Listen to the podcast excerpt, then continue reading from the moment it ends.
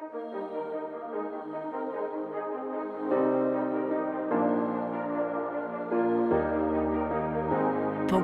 za ljubezen. Podcast inštituta Integrum.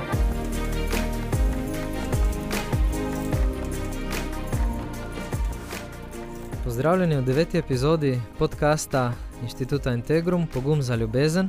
Danes je poleg mene prijateljica Špela Potočnik, žena že skoraj 15 let, mama treh otrok, od tega dvem najstnikom, po izobrazbi socialna pedagoginja, ki jo močno zaznamuje tudi glasba, pa svetovalna delovka na gimnaziji Želimlje, v zadnjem času pa tudi tre praktik, oziroma ukvarja se precej z metodo tre, o kateri bo več povedala tudi tekom pogovora.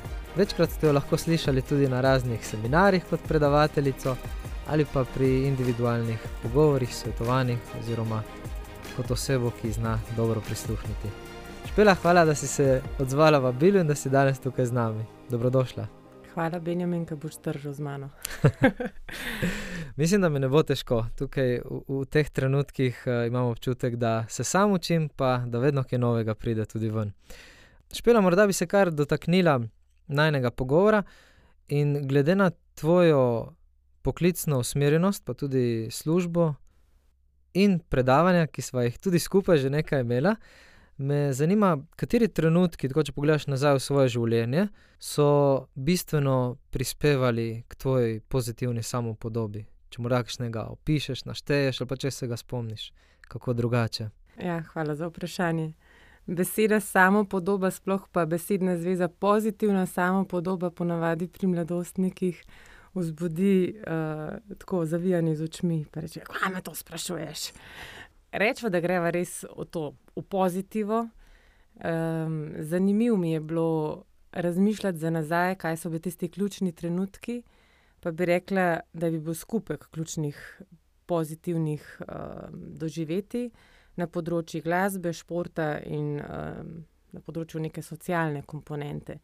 Če se dotaknem glasbe, no tudi, kar si v vodu rekel, za mano je osem let bilo harmonike, kjer sem dobila veliko njih pozitivnih potrditev. Uh, potem sem se preusmerila na področje petja, najprej v vaškem pevskem zborčku, kjer mi je v začetku mami pela na uho, zato da sem lahko lovila altovsko linijo. Kasneje sem pa v bistvu prevzela uh, mladinski pevski zborček uh, po sestri uh, in se tam v bistvu zelo nekako samo potrjevala, dobila tudi pozitivne odzive od okolice. Potem naprej v gimnazijskih letih je bila to vokalna skupina, kjer smo s puncami prepevali črnsko duhovno glasbo. Skupina se je imenovala Splendore. In tiste trenutke me vežejo res lepi um, lepa občutja, kako smo potovali, tudi po kakšnih evropskih mestih se tam zgubljali, pele na ulicah in oznanjale. Potem me je pot zajadrala, pač popeljala tudi na konzervatorij za glasbo, kjer sem um, do prvega otroka študirala usporedno tudi petje. Potem pa spoznala akademskega glasbenika, pevca, tako da sem jaz na tisti točki tudi rekla, ok, dosti, če je en glasbenik. Petje glasba je en velik del neke pozitivne samopodobe, čeprav sem kot otrok recimo slišala tako med pogovori z, med odraslimi, sem slišala, joj, naša špila pa nima jih najboljšega posluha, od vseh otrok je tako najmanj. Tako da to, to, to me zelo, um, neke take mogoče negativne opaske so me zmeri gnale k temu, da sem se poja samo dokazovala. No. Um, Si želela pokazati, da ima na robe ali da ja, zmoreš. Če meni reče nekdo, to pa ti ne boš naredila, bom jaz zihar dokazala, da je to. Si malo pornica po duši ali kaj? malo je taka nižna beseda. Potem športno, jaz sem iz vasi in tam je bilo gibanje glavna, glavna igra, žoge na več variacij. Uh, igrala sem se res zelo veliko, tudi v fantovski družbi sem preživela časa, tako da uh, nogomet, igrala bosonoga na pokošeni travi, košarka, uh, do nemoglosti smo preigrali uh, med dvema ognjema, se šli ravbari in žadare. To so bili, mislim. Tako zdaj se mogoče slišim, da sem stara že kot dinozaver, ampak v tistem času smo res prosti čas preživljali v gozdu in edina meja, ki je bila zvečer, je bila tema, ko se je zaslišalo iz balkonov: špila, večerja.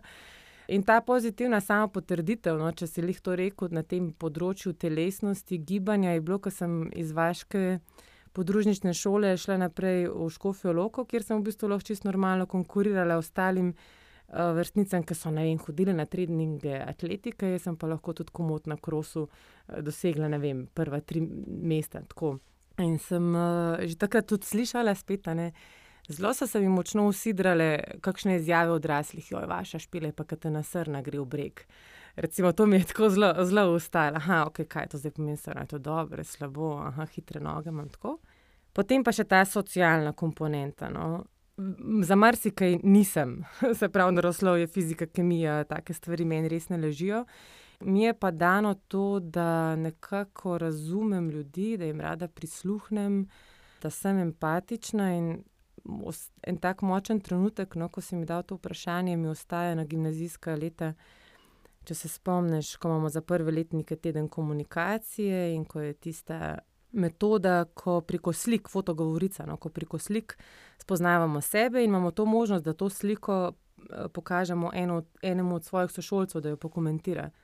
Takrat se je zgodilo, da je ogromno sošolcev prišlo s tisto sliko pred mene, da, da naj jaz to povem. In meni je bilo tako, nisem več vedela, kaj naj s tem naredim, ampak je bila pa ena tako močna potrditev, da sem čutila eno tako zaupanje strani svojih vrstnikov, eno potrditev, um, da se k meni zatekajo. No. Tako da sem bila že takrat mal. Že v družini no, sem imela to vlogo, da sem bila nekje vmes, tretji otrok, uh, da sem malo uravnavala te naše konflikte. Potem se je to preneslo naprej tudi v gimnazijska leta, in potem je bilo v bistvu tudi ključno tudi pri izbiri, se mi zdi, moje poklicne poti. Zdaj, ko si začela s poklicno potjo, omenila si že, da vpliv na študij je bilo verjetno ta tvoja vloga, pa tvoje močno področje, komunikacijsko, socialno, empatično, odnosno, ki si ga imela nekako med vrstniki. A je bilo še kaj takega bistvenega, kar je vplivalo na, na izbiro tvojega študija? Ja, saj če narediš že selekcijo, zakaj vse nisi, a ne, se veliko enih študijskih programov lahko takoj izbriše. So bile tudi temne stvari v, v mojem življenju, se mi zdi, preko katere sem iskala ene odgovore, in je bil to tudi en tak delček, ki je vplival na to, da, da sem iskala tudi študijsko pot v tej smeri. Zelo močno se spominjam, no, jaz sem tak intuitiven človek, ki se zelo malo odločitev sprejmem tako z, z neko logiko, no. Moj oče je bil podjetnik, je bil veliko od doma, je na tak način služil denar. Jaz sem takrat čutila močan odpor, nisem štekala, zakaj rabimo ljudi denar, in sem si kar nekako predstavljala: "Ne, ne, ne, jaz bom pa, jaz pa ne bom služila denarja, jaz pa ne bom podjetnik." Vedela sem tudi, da nočem ostati doma. Imela sem neko idejo, da hočem spremeniti svet, da hočem glihat stvari, in sva tako s sosedo sva ležali sredi enega poletja. Ne vem, če ti zdaj sploh odgovarjam na vprašanje, ampak je bil to močen trenutek, ko sem čutila, gledala v zvezde in rekla: "Ne, ne, ne, jaz bom nekaj, jaz bom nekaj spremenila, jaz bom reševala težave, stiske drugih."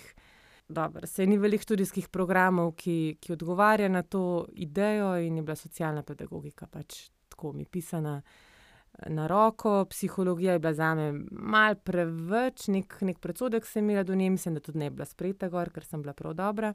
In tukaj spet en trenutek s svetovalno delavko, no, ke sem prišla k njej s to idejo, da bi bila jaz socialni pedagog, mi je odsvetovala, je rekla: "Špela, dvakrat si prav dobra, ne vem, če bo to šlo." In itak, meni če cvet en reče: "To ne bo šlo," ja, ja, jaz bom šla, prva, prva želja, socialna pedagogika, sploh ni bilo debate. Na koncu se je izkazalo, da sem imela točno toliko točk, kakor sem jih potrebovala, no, tako da so bile ene take, to me zelo večkrat me to spremlja, no, da, da mi nekdo reče ne, pa potem jaz dokažem, da ja. Pol tudi jaz pri vabilu za kakšno stvar ti moram reči: "Špela, sicer ne vem, če boš to zmogla, ne, ampak ..." Ne, ti v bistvu nikoli tako ne rečeš, ti samo rečeš, da bom, tako da mi sploh ne daš te možnosti.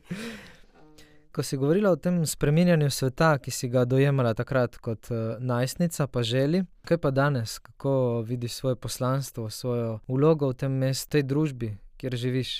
Veš, ti Hollandovi vprašalniki, ke ti ven potem izpišejo poklice, da mi je prišlo ven paznik v zaporu, pa misionar. In zdaj, če tako pogledaš malo uh, s humorjem, nekje delam. Uh, včasih mladostniki rečejo, da, da imajo občutek, da so v enem zaporu, ki imamo tukaj njih pravil. Pa, pa, pa je nek način misionara. In rečem, le, se delam to. Tvoje vprašanje je pa bilo. Kako pa danes svoje poslanstvo dojemaš, kje vidiš najbolj svoje mesto, kjer lahko še vedno sanjaš o spremenjanju sveta na boljš? Veš, to poslanstvo meni dela kar malce težave, ki ga mi tako omeniš. Rečemo temu, da sem malo, še, da sem še vedno na poti razločevanja, spreminjanja sveta, pa najprej in predvsem na svojem osebnem področju. No. Tako, to se mi zdi, da je številka ena, potem spreminjanje sveta v najnem odnosu z Jankotom in spreminjanje sveta pri vzgoju najnih otrok. In se mi zdi, da se pa to tako zelo naravno, sploh pri mojem poklicu, zelo odslikava tudi v tem mojem poslanstvu, ki ga živim kot svetovalna delavka. Velikrat se sprašujem in razločujem, aj to to, zakaj sem tukaj, zato da sem, da poslušam mladostnike, ker moj ego bi mogoče kdaj želel več ne potrditve, pa ne pomembnosti, pa ga končnega izdelka ki ga v bistvu pri svetovalnem delu, sploh če spremljaš mladostnike skozi štiri leta, pač ne vidiš. Kakšen izdelek vidiš potem čez deset let, zdaj, ko se kašni vračajo nazaj k meni. Tako da moje poslanstvo vidim v tem trenutku, jaz sem si napisala tukaj Google Translate. A veš, Google Translate, kaj daš noter, ne veš, kaj kaj pomeni, pa dobiš hiter ven prevode. Ne? Se čutim velikrat kot en umestnik, ko poslušam te mlade na njihovi poti, lahko sam enkrat, dvakrat, trikrat, odvisno kako pridejo. In v bistvu potem njihova vedenja prenesem v neka čustva, zato da njihovi starši ali pa profesori, ki imajo z njimi težave, um, da jim to razložim, tako kot Google Translate. No? Tako da, da je to eno tako močno moje poslanstvo, um, pa prisotno všesano. Jaz sem res v službi, v glavnem poslušam. E, tako da, zdaj, če me sprašuješ, kadar mi pa nekdo drug prisluhne, pa ne znam nekaj odgovoriti, tako da na neki točki mi boš mogel verjetno ostati. Ampak ja, sem prisotna v šesa, se mi zdi. In bi pojjo spod tako rekel, ja, kaj pa delaš. Ko mene moji otroci vprašajo, kaj ti v službi sam poslušaš, mislim, a to je delo ali kaj. Ja, res je včasih tako si rečem, a to je to. A to je to, kar se od mene pričakuje, da bom postila. Ampak to v bistvu spremenja, to fulmočno spremenja se mi zdi, da včasih v eni uri mladostniku štiri vprašanja postavim in je velika tišina vmes, ampak on potem vidi, da ne bom več vrtala naprej in potem začnejo govoriti. In, in je velika neko olajšanje, pride samo da prisluhnemo. In ja, pač to delam. Sem pa tudi tako poslanstvo, če bi ga kot simboliko videla, en tak steber.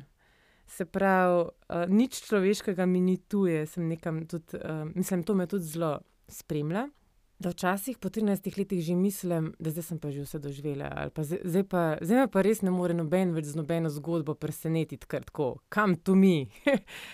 Ampak kaj, vsako leto je še nekaj, kjer, kjer se na, na novo vprašam, oh, a sem še steber, a še zmorem biti steber. Pa še ena stvar, a ne spreminjanje sveta. In s tem se mi zdi, da spreminjam svet, ful močno. Ne, če, če se štejem, koliko mladostnikov je šlo že skozi skoz mene, tako rečem, in če znajo to naprej deliti in delati dobro iz tega, se mi zdi to velika sprememba. In poslanstvo, glava in telo, recimo. Ne, tako, v šolstvu je ogromno glave, glava, glava, glava, pa razmišljanje. Tako, no, če sam pogledaš predmetnik, koliko je glave, koliko je pa telesa.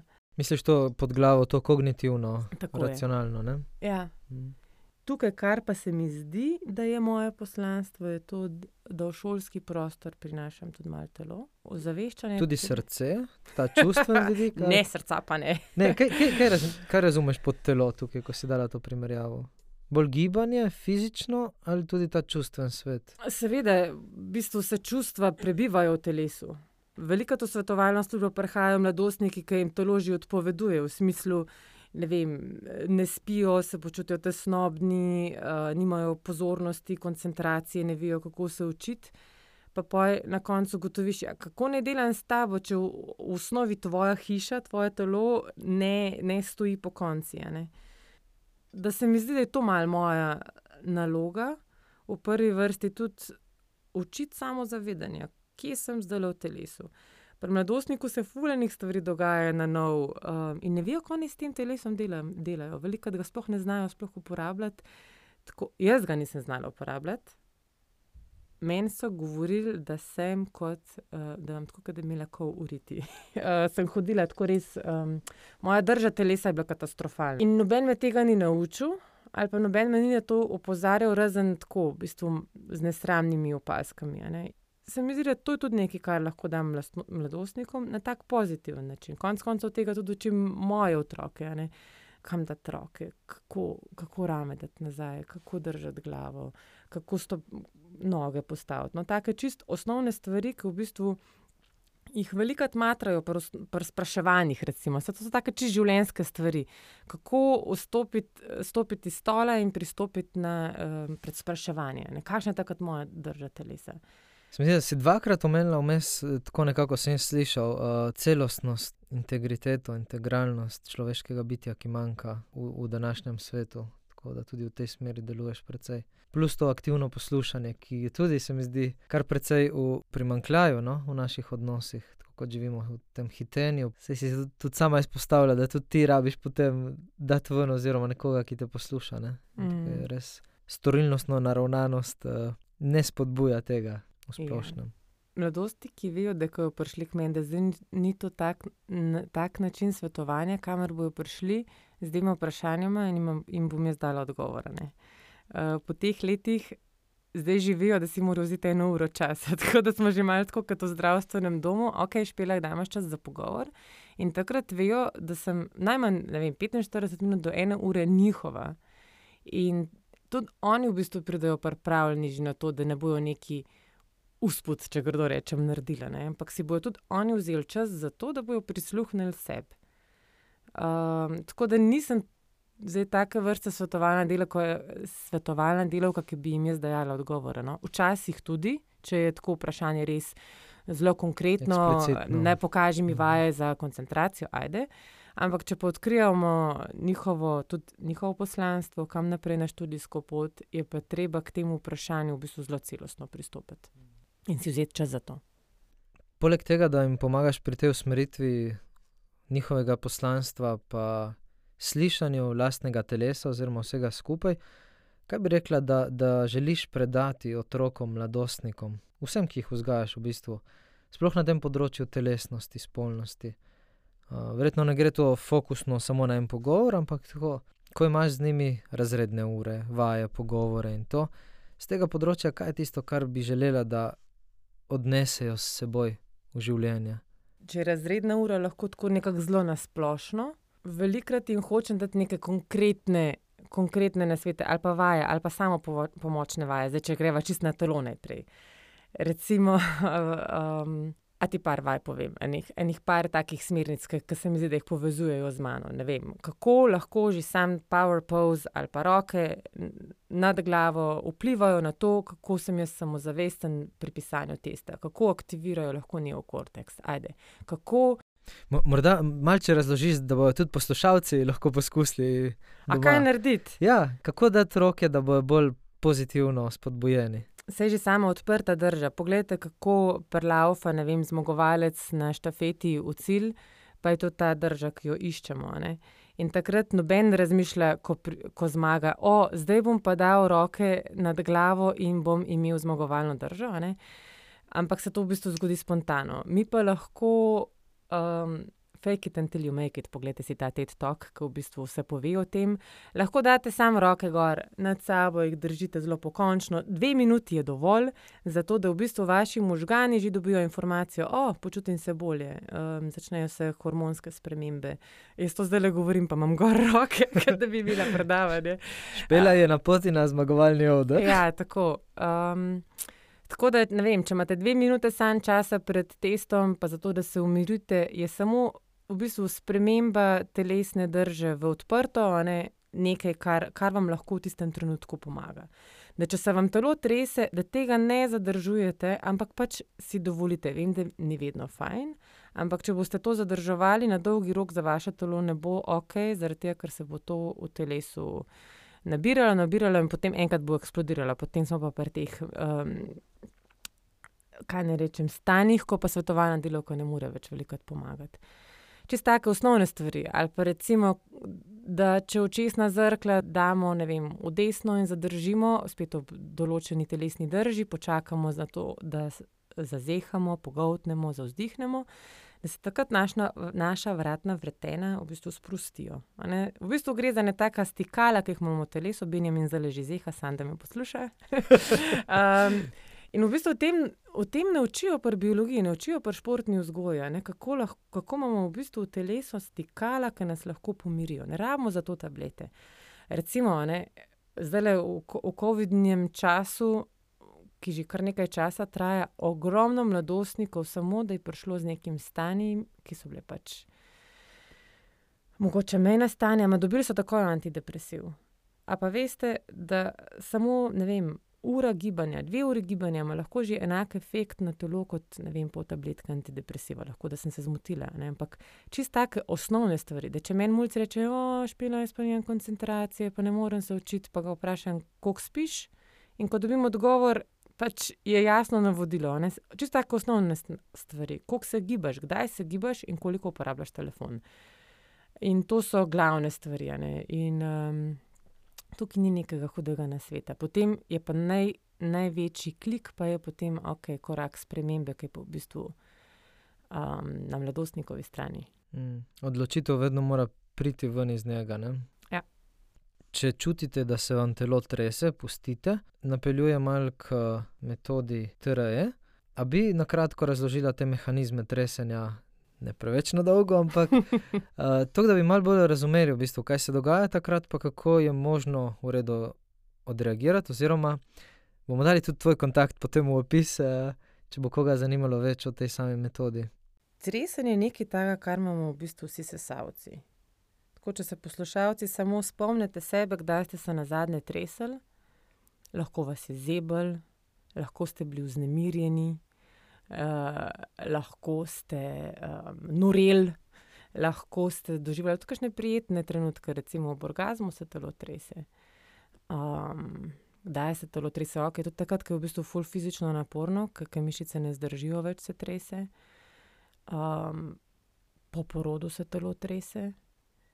Kdaj se še trese? Ste videli, da je kakšnega psa, ki se trese ob grmenju, ptiča, ki prhota.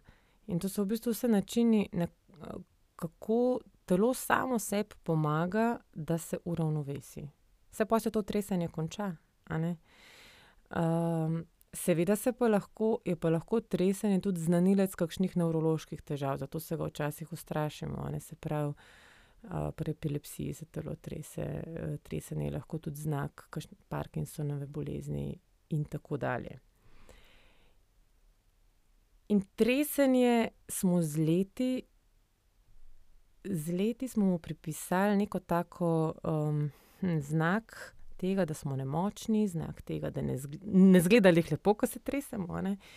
In sem bila že priča, ko je tudi kakšen profesor rekel dijaku, kaj se zdaj ti treseš, nekaj se trest. Recimo, imam pred, pred očmi enega mladega dijaka, ki smo ga, vem, recimo, pri nekem nedovoljenem vedenju našli, in potem ga je bilo seveda strah in se je tresel. In je bil odziv profesorja, kaj se treseš, moj je bil pa, hej, sam dovolj se trest. In tako smo z leti evolucijsko to malo sebi zakrčili, to našo živalskost. Um, in ko to enkrat zakrčimo in si ne dovolimo, do šestega leta, petega leta, ko je mulcem vseeno, kaj si drugi mislijo, je to še zelo vidno in prepoznavno, potem pa z leti to v bistvu zakrčimo v sebi. Okay.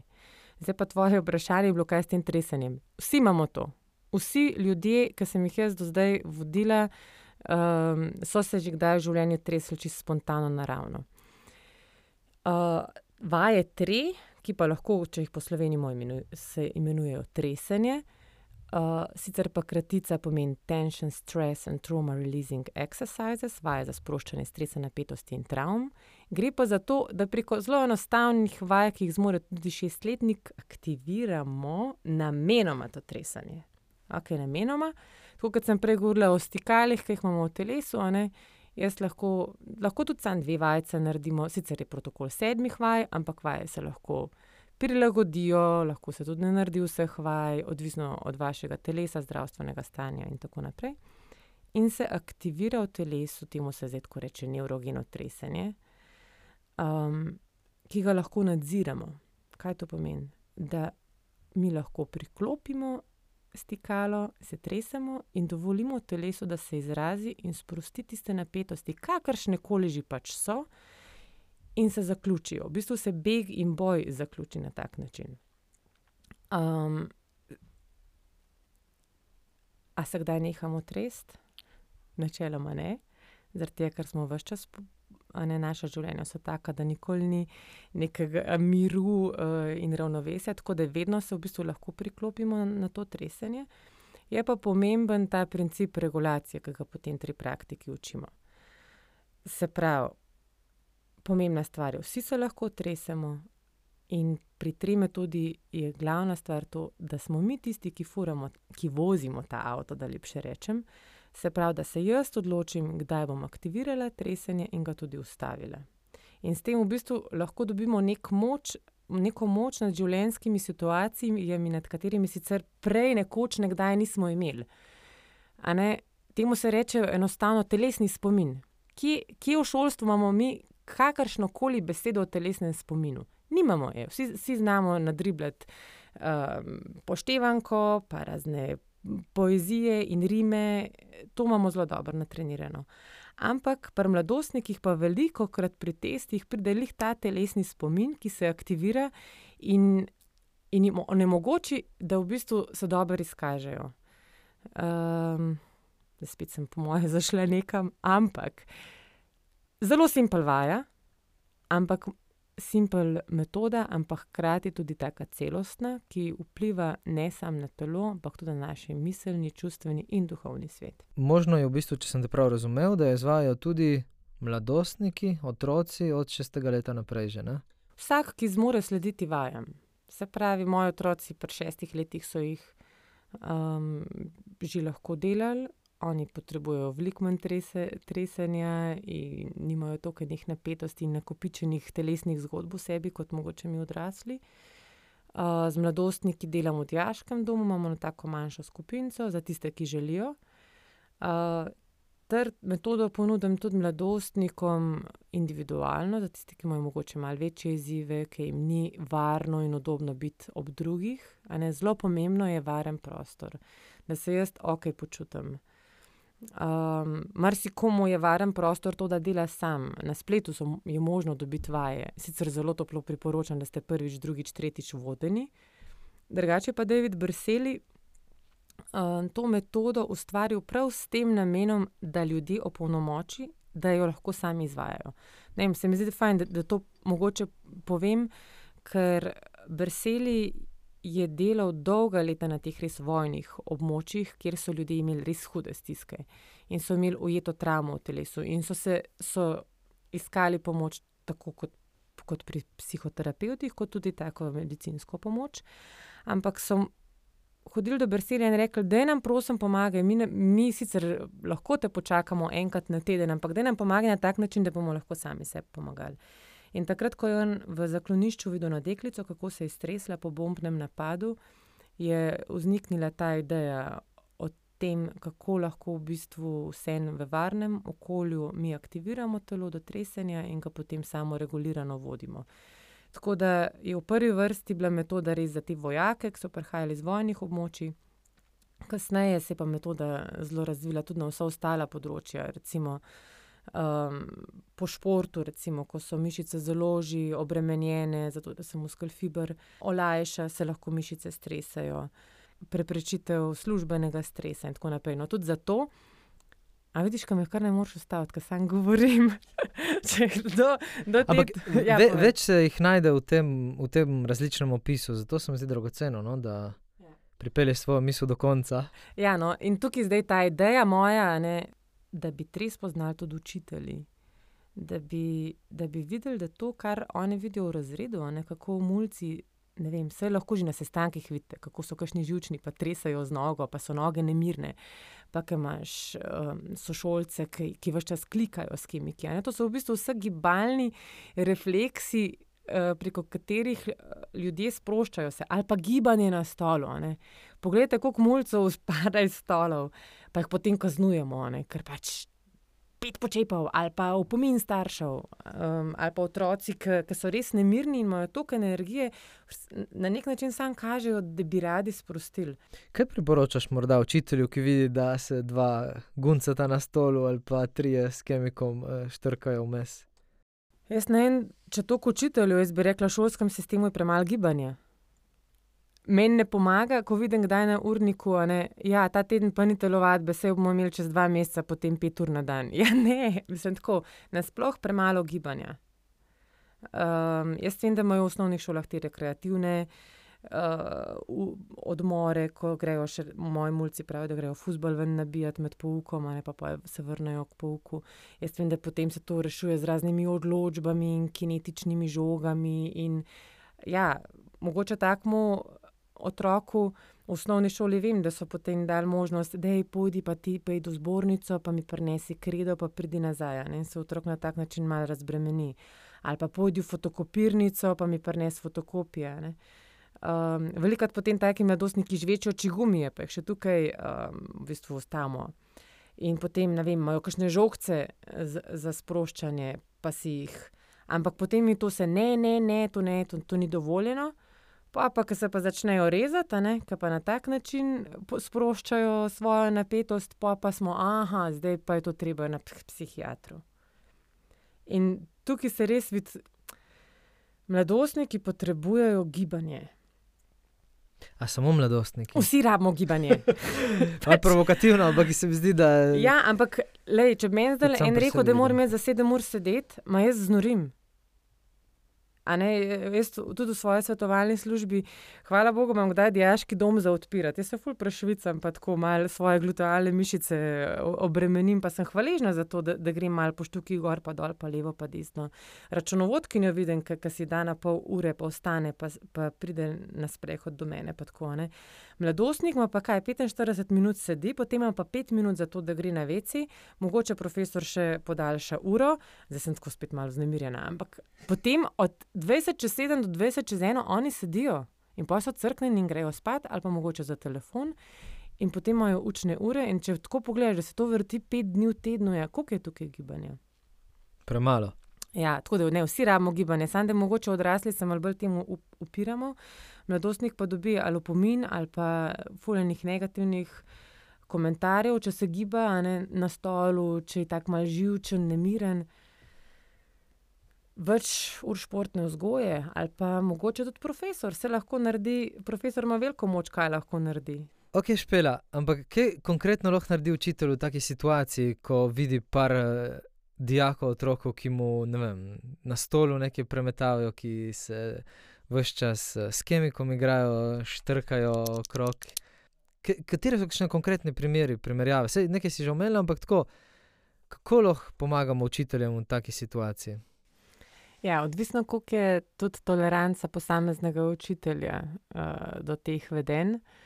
Nekatere ne moti in v bistvu to čisto dopuščajo, so pa učitelji, ki verjetno na vsak šum hitro odreagirajo, kar marsikaj pove tudi o njihovem, uh, kaj ne rečem, prožnosti njihovega živčnega sistema. Okay, se pravi, lahko nekaj delajo na sebe, pa se vprašajo, okay, zakaj me vsak šum moti. Potem pa, uh, ja, samo premik, recimo, ne, da lahko tega mladostnika, otroka povabi k temu, da naredi neko nalogo za razred, da gre fotokopirati v liste, da se, da se prestavi, da spremeni metodiko pouka, mogoče, da iz frontalne gre v skupinsko delo. Um, z možnostjo, ne vem, v osnovni šoli veliko preko igre. Kdor se strinja s tem, naj ostane, kdor se ne strinja, naj usede, dvig roke. Um, ne vem, včasih že samo to pomaga, da se odpre okno, da se malo prezrači. Po drugi strani pa se res sprašujem, ali je res tak problem, če mogoče takemu otroku se da žogico v roko, da, da nekaj z njo dela. Uh, vem, da žvečilni gumi so no-go, ampak v resnici lih v čeljusti imamo ogromne napetosti. Če pomislimo, če otroku vzamemo, vem, da tudi rešujejo, recimo, s tem, da dajo žoge medicinske, ne zdaj mogoče bolj za osnovno šolo govorim. Um, nekatere srednje šole imajo pa že te um, mize, kjer mladostniki stojijo, se pravi, da, je, da se gre v to smer kinestetične aktivacije. Um, bodite, v bistvu profesori lahko izvirajo iz lastne domišljije, iz njihovega jezika, iz njihovega spektra moči, je to likovno, športno, umetniško, kakorkoli že, samo da se aktivira malo drugačen način, kot je siceršnji. Spravi, da ni usmerjeno vse samo na to strogo kognicijo, in uh, da vključuje telo tudi neko vrsto gibanja za sprostitev. Ja, najhujše je to, ker nas v bistvu učijo biti stroj, sedeti pa biti tih. Grozen. Mm. Mislim, možgani v osnovi so ustvarjeni za premikanje. Če, zdaj, če ti jaz rečem, če bi naredila zdaj eno vajo, kar tudi naredim z mladostniki, zakaj, možga, zakaj imamo možgane? Zakaj misliš, da so bili v osnovi naši možgani um, ustvarjeni? Pa bi ti rekla, ok, ustani, pa da je skupaj stopala, lahko poskusite tudi poslušalci. Stojite pri miru, imejte stopala čist skupaj in poskusite to delati eno minuto. Kaj, kaj boste začeli zaznavati? Začel vas bo premikati, ja, težko boste držali ravnotežje. In ljudje, v bistvu v vsakem trenutku, tudi zdaj, ko mi dva sediva, je vse čas v nas neko premikanje. A ne mi bi pa radi, pš, tišina, seri.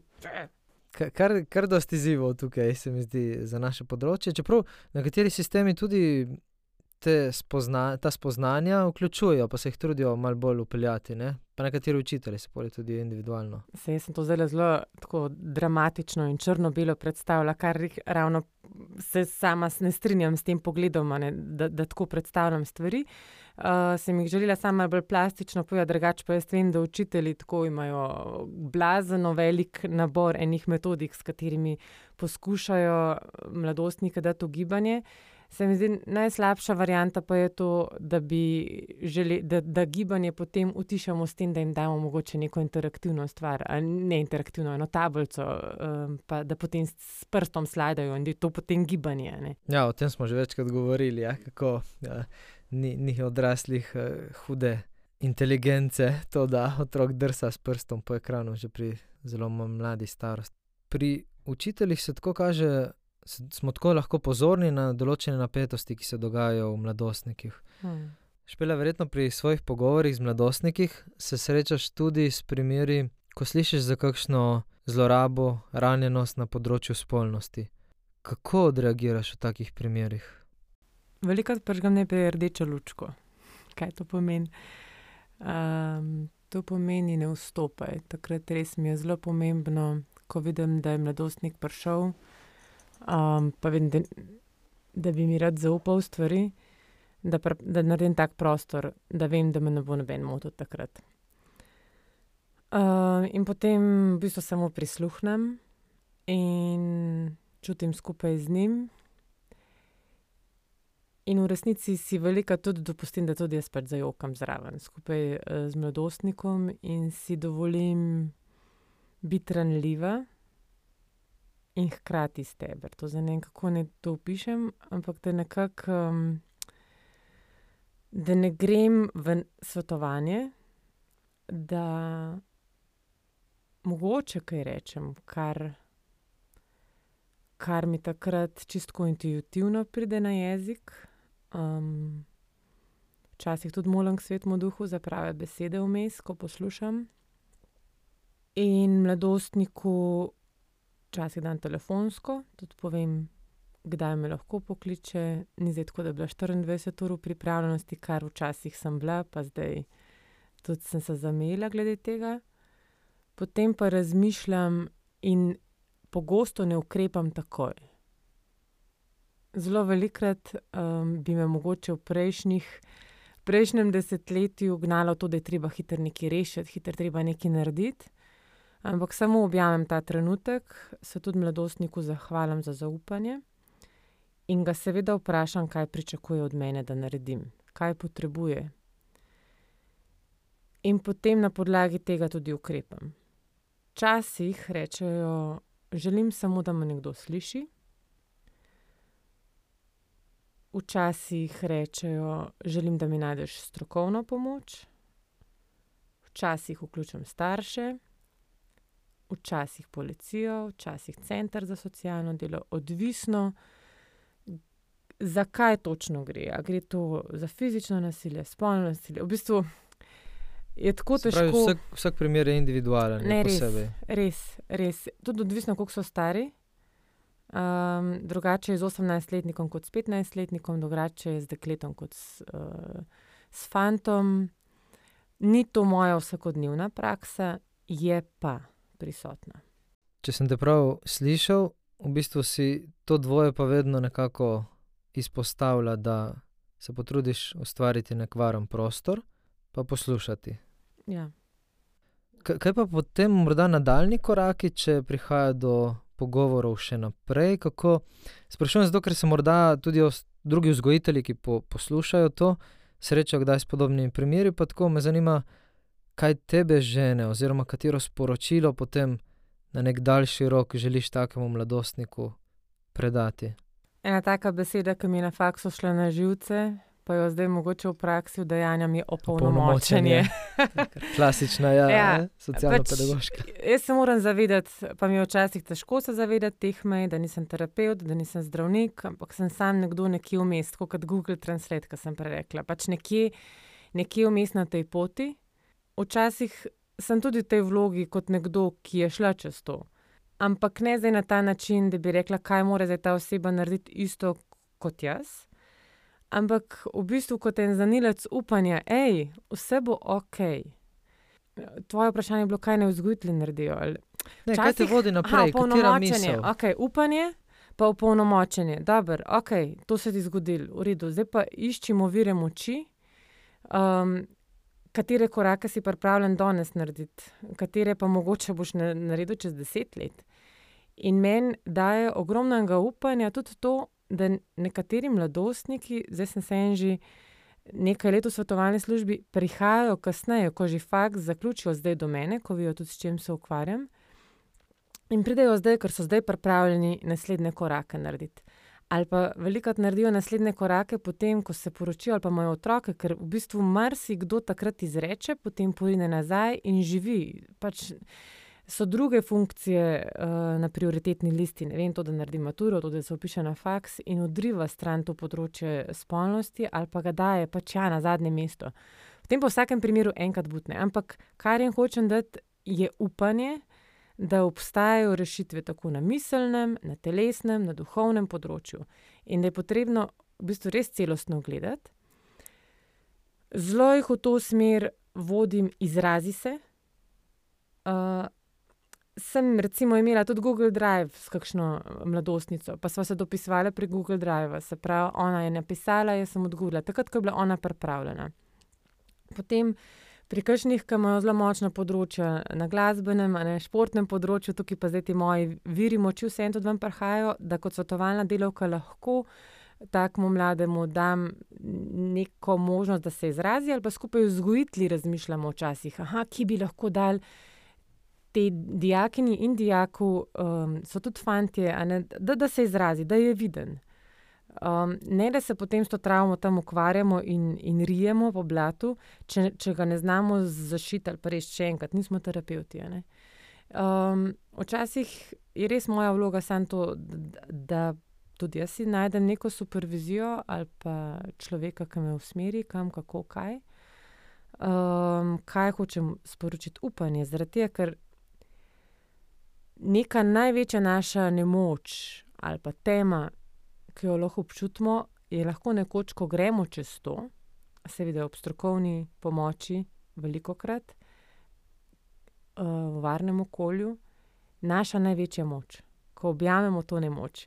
In takrat, ko to gremo čez, čez to blato, takrat potem nas noben več ne more ustaviti, takrat premagamo se.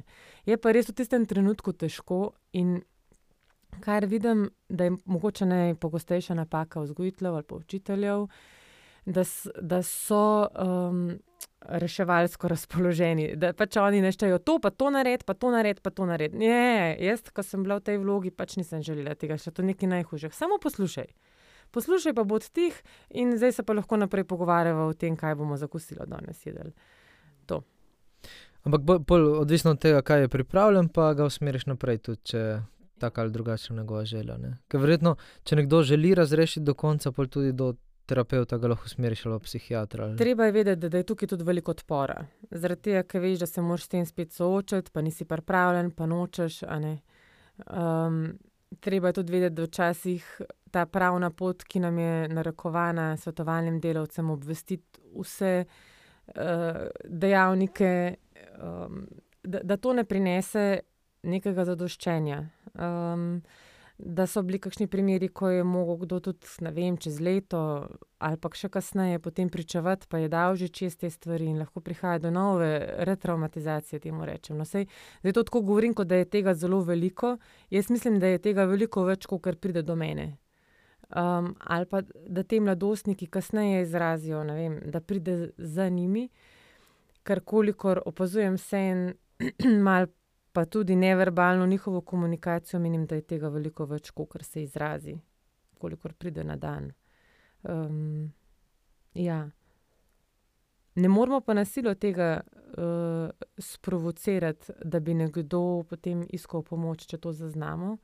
Je bila nekaj čas, časa tudi v meni to zelo močna želja. Ja, vidim te, vidim, da imaš ta problem, ne projekcija moja lastna. Um, pa je potrebno dovoliti času svoj čas in da ima vsak svoj, svojo pot razrešitve. In mogoče še ta izraz, da čas ne celi ran, kako ne rečem. Da je mogoče tako, da včasih mislimo, da ja, se čez deset let bo drugače. Veliko krat je pri to vrstni travmi z leti huje in prihaja kot močan bumerang nazaj.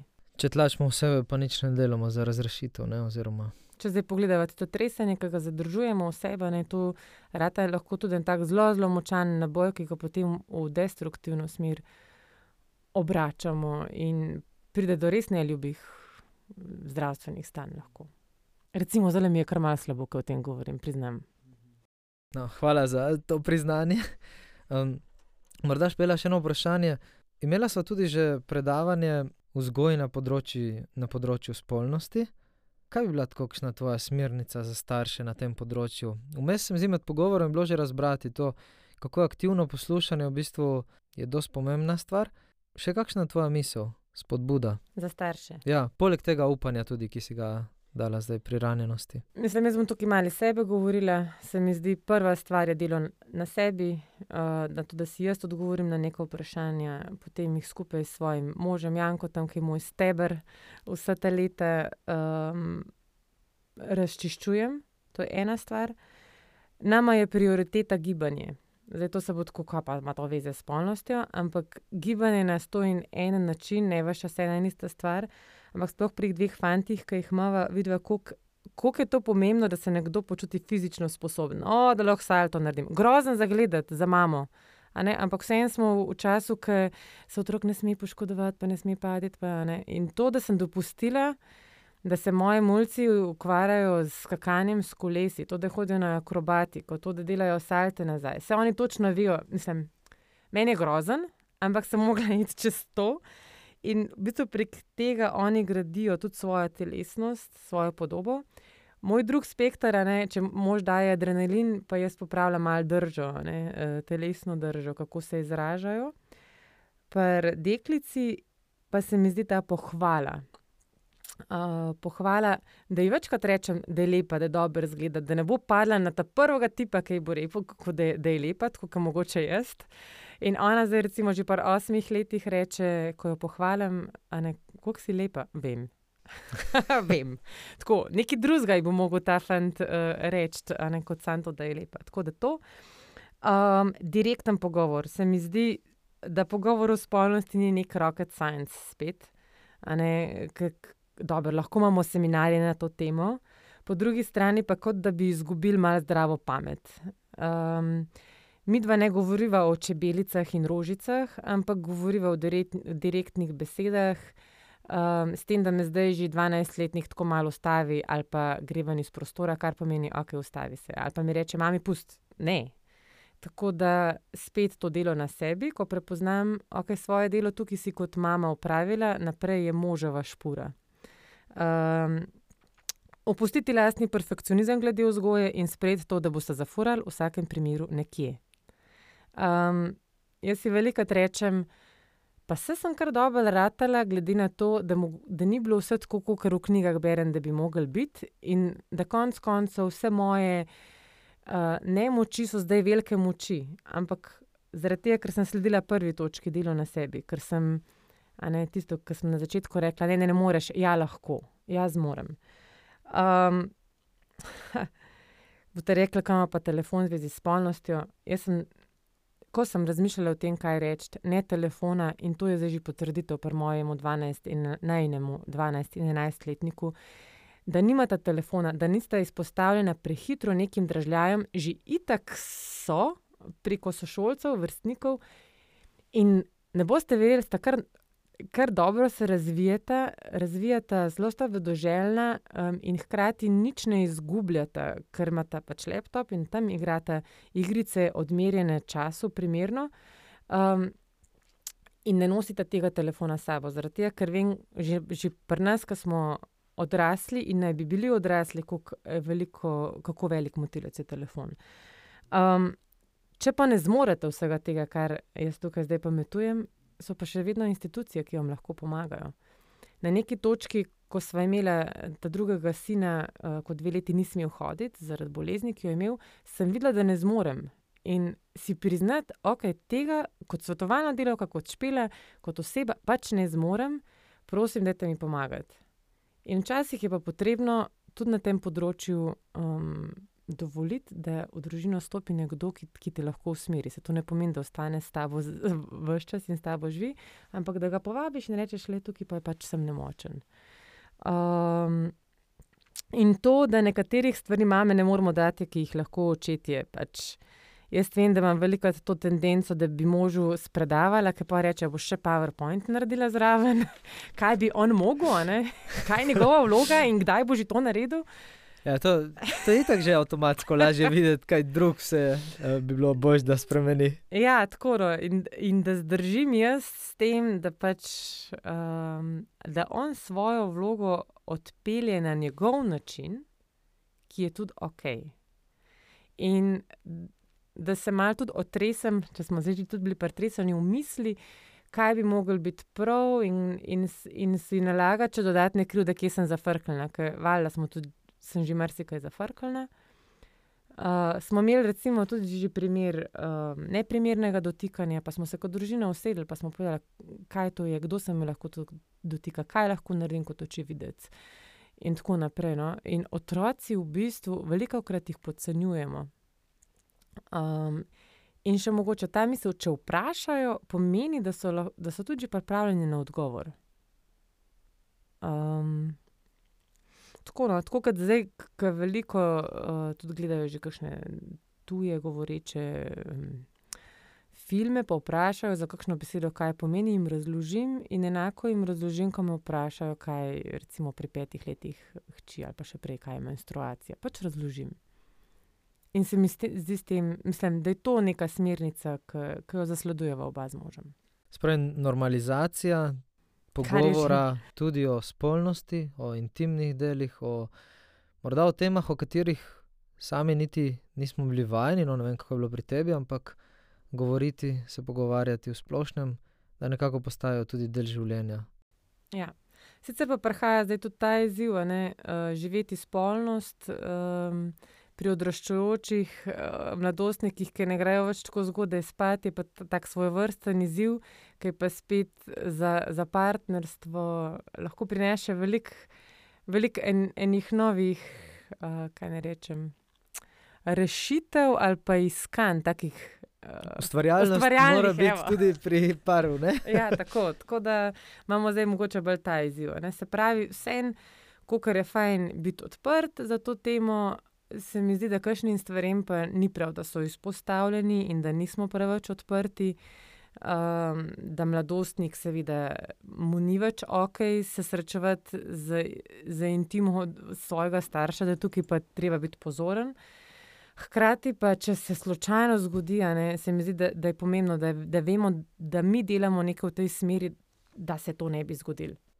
Tukaj veliko vprašanj se pojavlja na tem področju, pa bi sam naredil eno kratko reklamo, da pripravljamo tudi pri inštitutu serijo slikanic, uh, pa stripov in priročnikov za starše, no prav o tem, kako in v kateri starosti naslavljati določene teme, kako se srečevati z njimi, ker se mi zdi, da je res eno področje, ki je široko in uh, v današnji digitalizirani družbi je še posebej izzivalno, pa se čutimo starši veliko krat neopolnomočene na tem področju.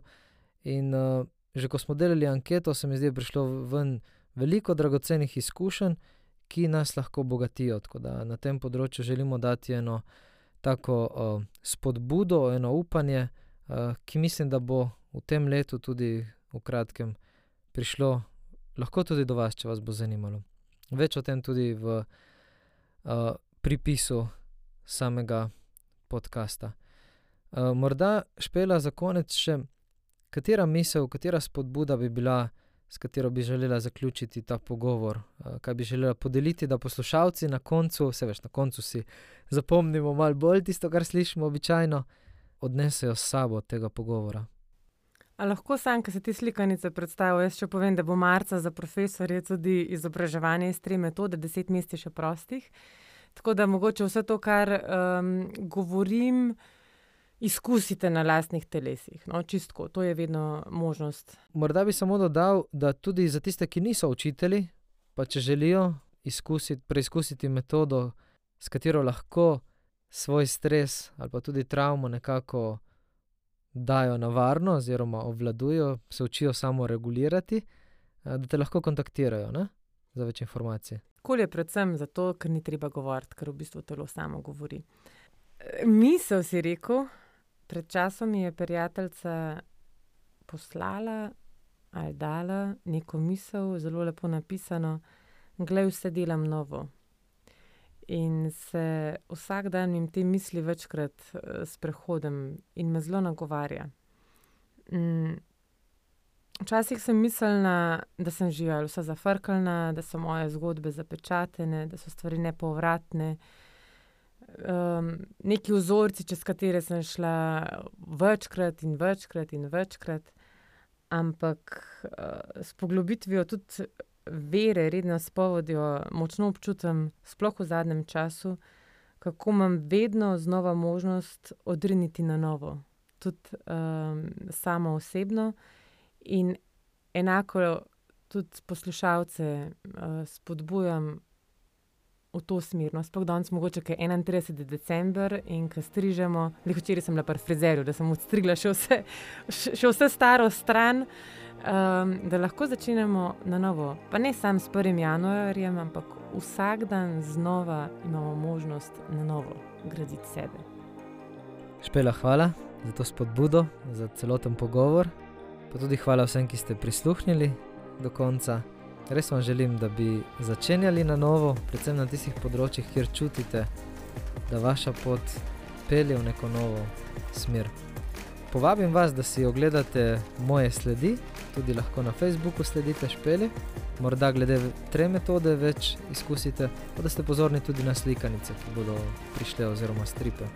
Vse dobro tudi v tem letu, naj vam upanje sveti in tudi na področjih, kjer imate občutek, da je precej temine, poskusite najti tisti žarek, tisti cilj in viro, da se lahko premaknete, tudi če s majhnimi, počasnimi koraki v tisto smer, ampak da je možno doseči, da je možno priti tja, kamor vas vleče srce. Hvala za poslušanje in nasvidenje. Srečno!